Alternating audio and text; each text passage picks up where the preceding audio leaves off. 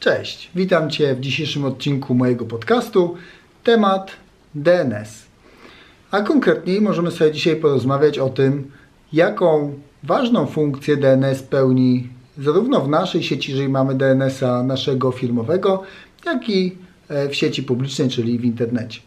No więc pierwsza podstawowa oczywiście funkcja jest taka, że nam zamienia adresy w postaci takiej zrozumiałej dla człowieka na adresy IP numeryczne.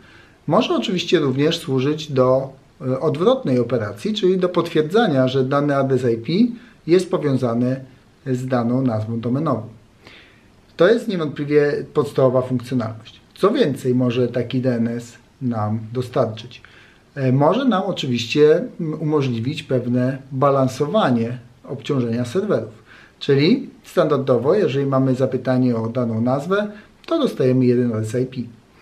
Ale możemy dostać kilka adresów IP zwrotnych. Co więcej, możemy dostać adres IPv4, czy grupę takich adresów i jednocześnie dla tego zapytania, czy dla drugiego zapytania w stosie IPv6, taką grupę serwerów, które odpowiadają dla adresacji IPv6. Czyli możemy już na tym etapie e, rozrzucić część ruchu dla różnych klientów, tak żeby to obciążenie rozłożyć. To głównie się stosuje do e, jakichś większych mm, instytucji, czy serwerów, czy serwisów, które mają po prostu tego ruchu dużo. Ale to nie jest oczywiście jedyny aspekt, bo to jest podstawowa funkcjonalność. Natomiast za, warto się zastanowić też chwilę nad bezpieczeństwem. No skoro jest to system w zasadzie konieczny, no bo teoretycznie można oczywiście oczekiwać, że e, my jako administratorzy będziemy wpisywać sobie adres IP ręcznie i to się nawet robi czasami, jeżeli mamy swoje środowisko małe. Ale jeżeli mamy już większą grupę administratorów lub to środowisko jest większe, a już jak jest publiczne, to już całkowicie, e, trzeba przejść na nazwy domenowe, no to w zasadzie nie ma innej możliwości, trzeba z serwerów DNS korzystać. I teraz, jeżeli ktoś chce przeprowadzić, a jest cała gama różnych ataków na serwery DNS, e, to jesteśmy jednocześnie narażeni na różne nieprzewidziane konsekwencje. A największe oczywiście ryzyko jest takie, że wydarzy się coś, co przez nas nie było przewidziane, a w związku z tym nie było też zabezpieczone. Więc jeżeli chodzi o całą grupę ataków DNS-owych, e, no to pojawia się pierwsze pytanie, skąd taki klient wykonując zapytanie DNS-owe, ma wiedzieć, że dostał odpowiedź wiarygodną.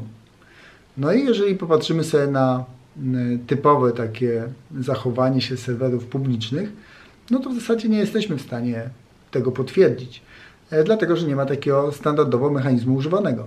Oczywiście został stworzony odpowiedni RFC i można wdrożyć bezpieczny DNS, w tym sensie, że jesteśmy w stanie potwierdzić, że my się odpytujemy właściwego DNS-a, ale to też e, widziałem różne przykłady, e, powoduje nowe możliwości, nowe zagrożenia, których nie będę tu dzisiaj rozwijał, ale jest tak, że jedno naprawiamy, a drugie otwieramy jako dodatkowa furtka wykonywania jakichś gamy ataków. Jeżeli chodzi o wykorzystanie wewnętrzne, no to tutaj zakładamy, że nasza sieć powinna być w miarę bezpieczna. Ale to oczywiście w zależności od tego, jakie dane przechowujemy, przetwarzamy, jak one są krytyczne, jak długo one są istotne, e, bo w kontekście bezpieczeństwa warto zawsze rozważać e, czas życia tych danych, czy ich istotność w tym kontekście. No i teraz DNS również jest takim zasobem. Skoro jest dla nas krytycznym elementem, który jeżeli zostanie zatrzymany, no to nam oczywiście firma nie działa, e, więc to już jest bez wątpienia wskazanie, że to jest krytyczny element. A po drugie, może wskazywać błędnie jeżeli zostanie na przykład taki DNS zhakowany, na serwer, komputer, stację, obojętnie co tam wskazuje, e, która jest przygotowana do ataku, e, czy do podsłuchania, czy do zapisania danych. E, różne warianty można użyć. W każdym razie jest już to otwarta furtka do czegoś dalej. No i tutaj zabezpieczanie serwerów DNS to temat rzeka, jak zabezpieczanie wszystkich serwerów w zależności od tego, co one realizują. I warto mieć na uwadze, że mm, wykorzystanie ich wewnątrz firmy, nawet jeżeli e, uważamy, że nasze urządzenia są bezpieczne, chociaż to w największym e, zakresie zależy od tego, czy chociażby mamy takie mechanizmy jak 801X, bo jak nie, no to możliwość dopięcia się naszej sieci jest e, bez porównania dużo łatwiejsza niż e, przy uwierzytelnianiu dostępu do sieci. Niezależnie od tego, zawsze może zdarzyć się przypadek, że ktoś złapie malware. Prawidłowy użytkownik prawidłowo może się w 802.1x uwierzytelnić, a i tak będzie e, miał ten atakujący, posiadając taką stację przesiadkową w postaci naszego pracownika czy laptopa pracownika, będzie miał możliwość atakowania na przykład serwera DNS. No i teraz, e, jeżeli chcemy, to oczywiście możemy wybierać całej gamy różnych rozwiązań zabezpieczających serwery DNS i w zależności od naszej e, potrzeby wydawać więcej lub mniej środków na ten cel.